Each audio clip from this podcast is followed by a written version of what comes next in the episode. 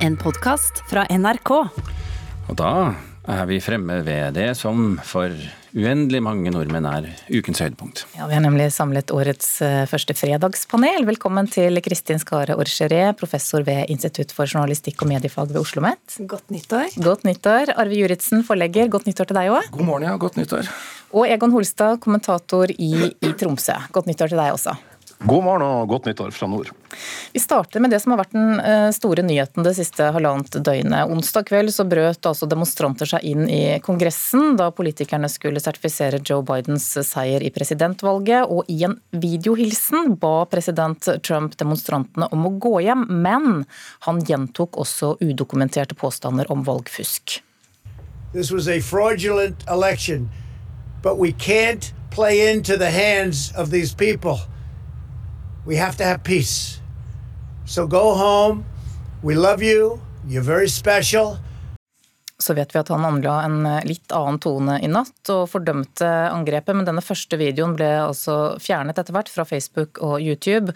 Og i går kveld ble det klart at Trump også er utestengt fra Facebook og Instagram på ubestemt tid. Iallfall til etter 20. januar, når Biden overtar. Og Twitter har lagt restriksjoner på presidentens konto. YouTube og Snapchat har også varslet at de kommer med restriksjoner. Og spørsmålet til panelet er var det for lite og for sent, Arve Juritzen? Burde ikke skjedd.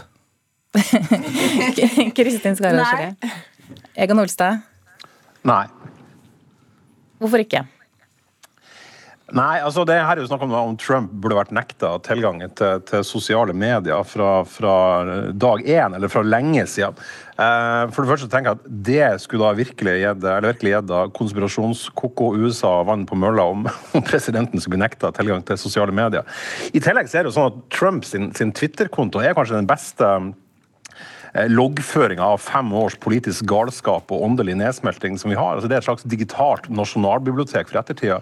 Og det hadde vært helt fantastisk om man kunne ha sittet i dag og sett på eh, Twitter-feeden til Idi Amin og, og, Hitler og Stalin og, og eh, Mao, for, for den saks skyld. Sånn at jeg tenker at Det er veldig bra at vi har fått dokumentert digitalt det han har til enhver tid tenkt i våken tilstand. Så jeg syns det her egentlig er helt uh, topp. Uh, I tillegg så har jeg sjøl vært uh, stengt ut av Facebook en gang for, for, for tre dager. og uh, Derfor føler jeg veldig sånn, jeg føler veldig med Donald Trump. Så jeg er litt sånn Chesuie Donald og, og, og, og, tenner et lys for han som nå er stengt ute fra, fra, fra Twitter, uh, eller fra Facebook, og, tenker at det, det, er ikke så lett som folk uh, tror, kanskje tror. Nei, Jeg vet ikke om jeg blir med å fyre opp et uh, lys for Donald Trump. Det jeg syns dette handler om, er den faren vi nå ser at en håndfull mennesker sitter og kontrollerer de viktigste kommunikasjonskanalene over hele verden. Og så blåser man nå med en vind uh, og sier at denne personen får ikke lov til å ytre seg lenger. Vi stenger. Det er ikke demokratisk, det er ikke gjennomtenkt, vi vet ikke hvem som sitter der og klipper ledningen heller. Så jeg tenker at dette er et stort, stort varsko og en advarsel på dette at eh, kommunikasjon over hele verden nå styres av så få mennesker. Eh, og at verdens mektigste mann, lik han eller hat han, altså bare klippes bort. Mm. Kristin Skarrørsrud, nikker du, eller? Eh, ja, jeg nikker. Det sier veldig mye om sosiale medier og IT-gigantenes enorme makt. Eh, og som regel så blir jo meninger bedre av å brytes mot hverandre, men samtidig, eh, og det å sensurere en statsleder er drøy, drøy kost, eller det å sensurere hvem som helst, og vi snakker jo ofte om dette med scenenekt og no platforming. Samtidig så var det også drøy, drøy kost det vi så den siste tiden fra Donald Trump. og Eh, ganske tydelige illustrasjoner på hva som skjer når et lands faktaresistente leder bare fyrer opp om løgn og løgn og løgn. og løgn. Så å ta fra ham plattformen er eh, veldig drastisk, men det å mark altså, eh, sette en liten label på at dette ikke stemmer med fakta. Eh, det er kjempeviktig. Man, hvem, hvem, bestemmer det? det ja, så kan man problematisere hvem som skal gjøre det, og mm. at en uh, Facebook, som er både en utgiver, uh, et nettverk, et medieselskap og en teknologi business. og en veldig veldig stor kommersiell aktør, skal gjøre det, det er naturligvis problematisk. og Vi ser også av andre ting de sensurerer, som uh, kvinnebryst uten at det i det hele tatt har noen seksuelle konnotasjoner restriksjoner og, og, mange forskjellige diskusjoner man kan ta rundt det. Mm.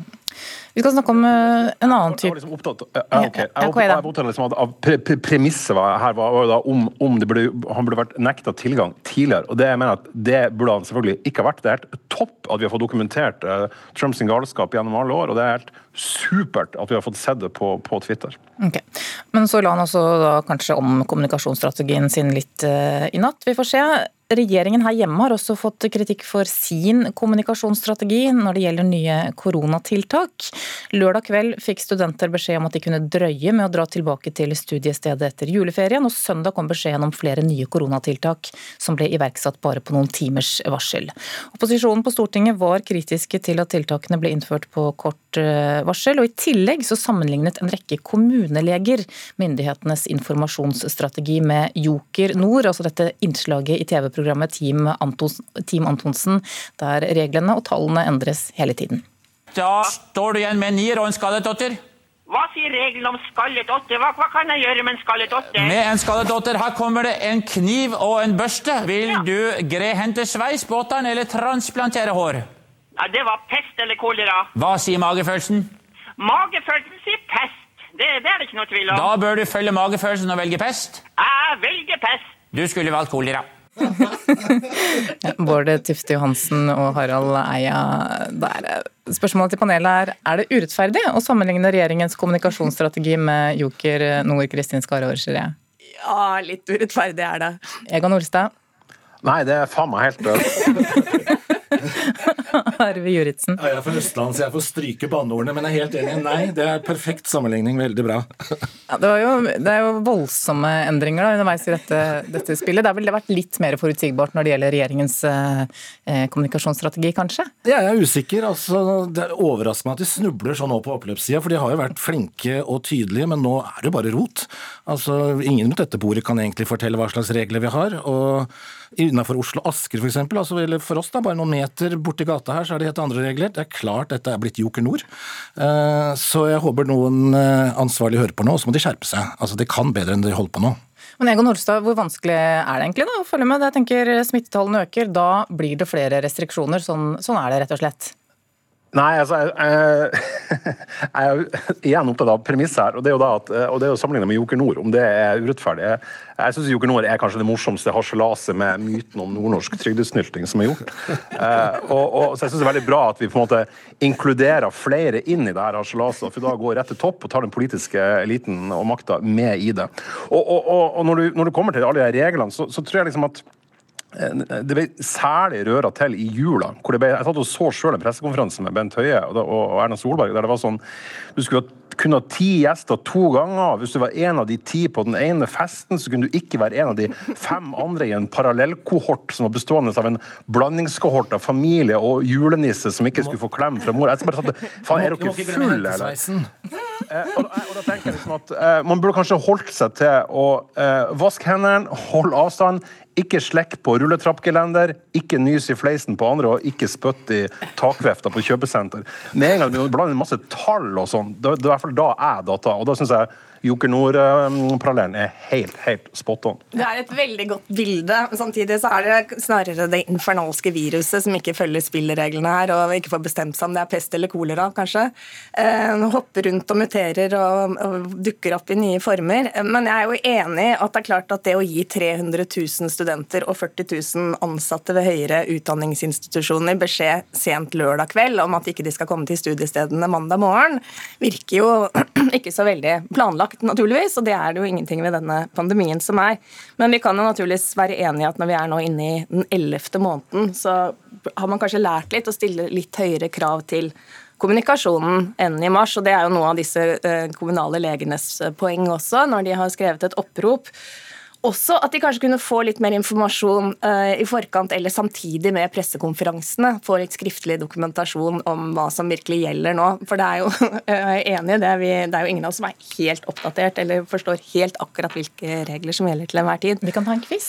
Ja, kanskje det. Men, men resultatet av det blir, blir, jo at vi ikke følger disse reglene. For vi vet ikke hvilke regler vi skal følge, og det tenker jeg er med på å øke de smittetallene vi nå ser. Det er ikke bare jul og nyttår og fest og gøy.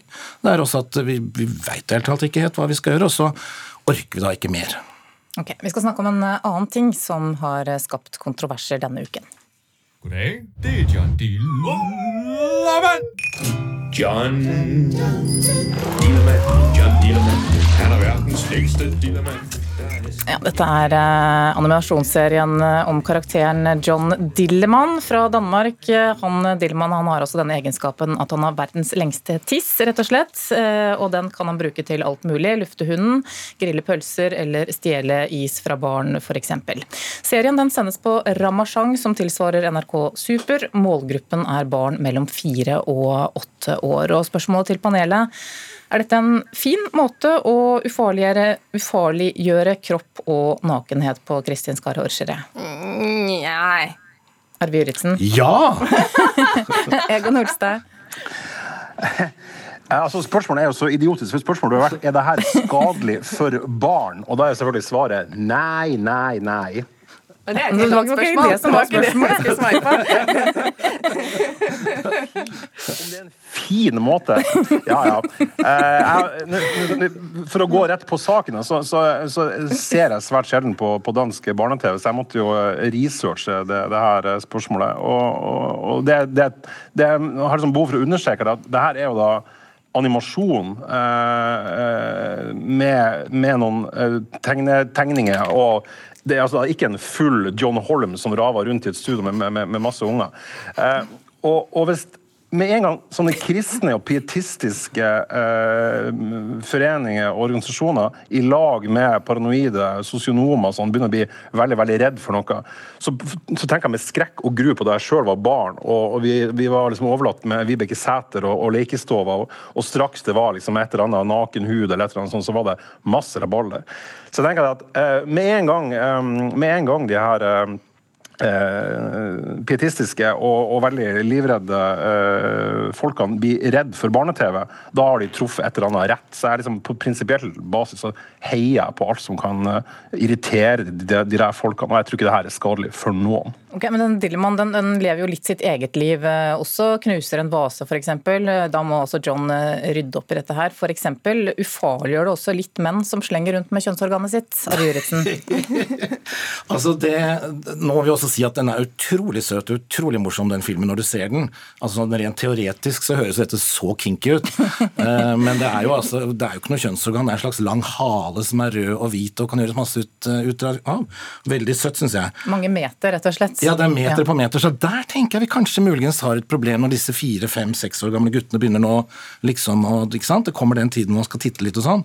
Kan det gi et prestisjetap? Altså kan det på en måte føle seg mindreverdig? Det tenker jeg Å ja, der kommer sosionomen inn, altså. Men hva hvis det hadde vært en dame da, Kristin Skarrorskjere, som hadde verdens lengste pupper f.eks.?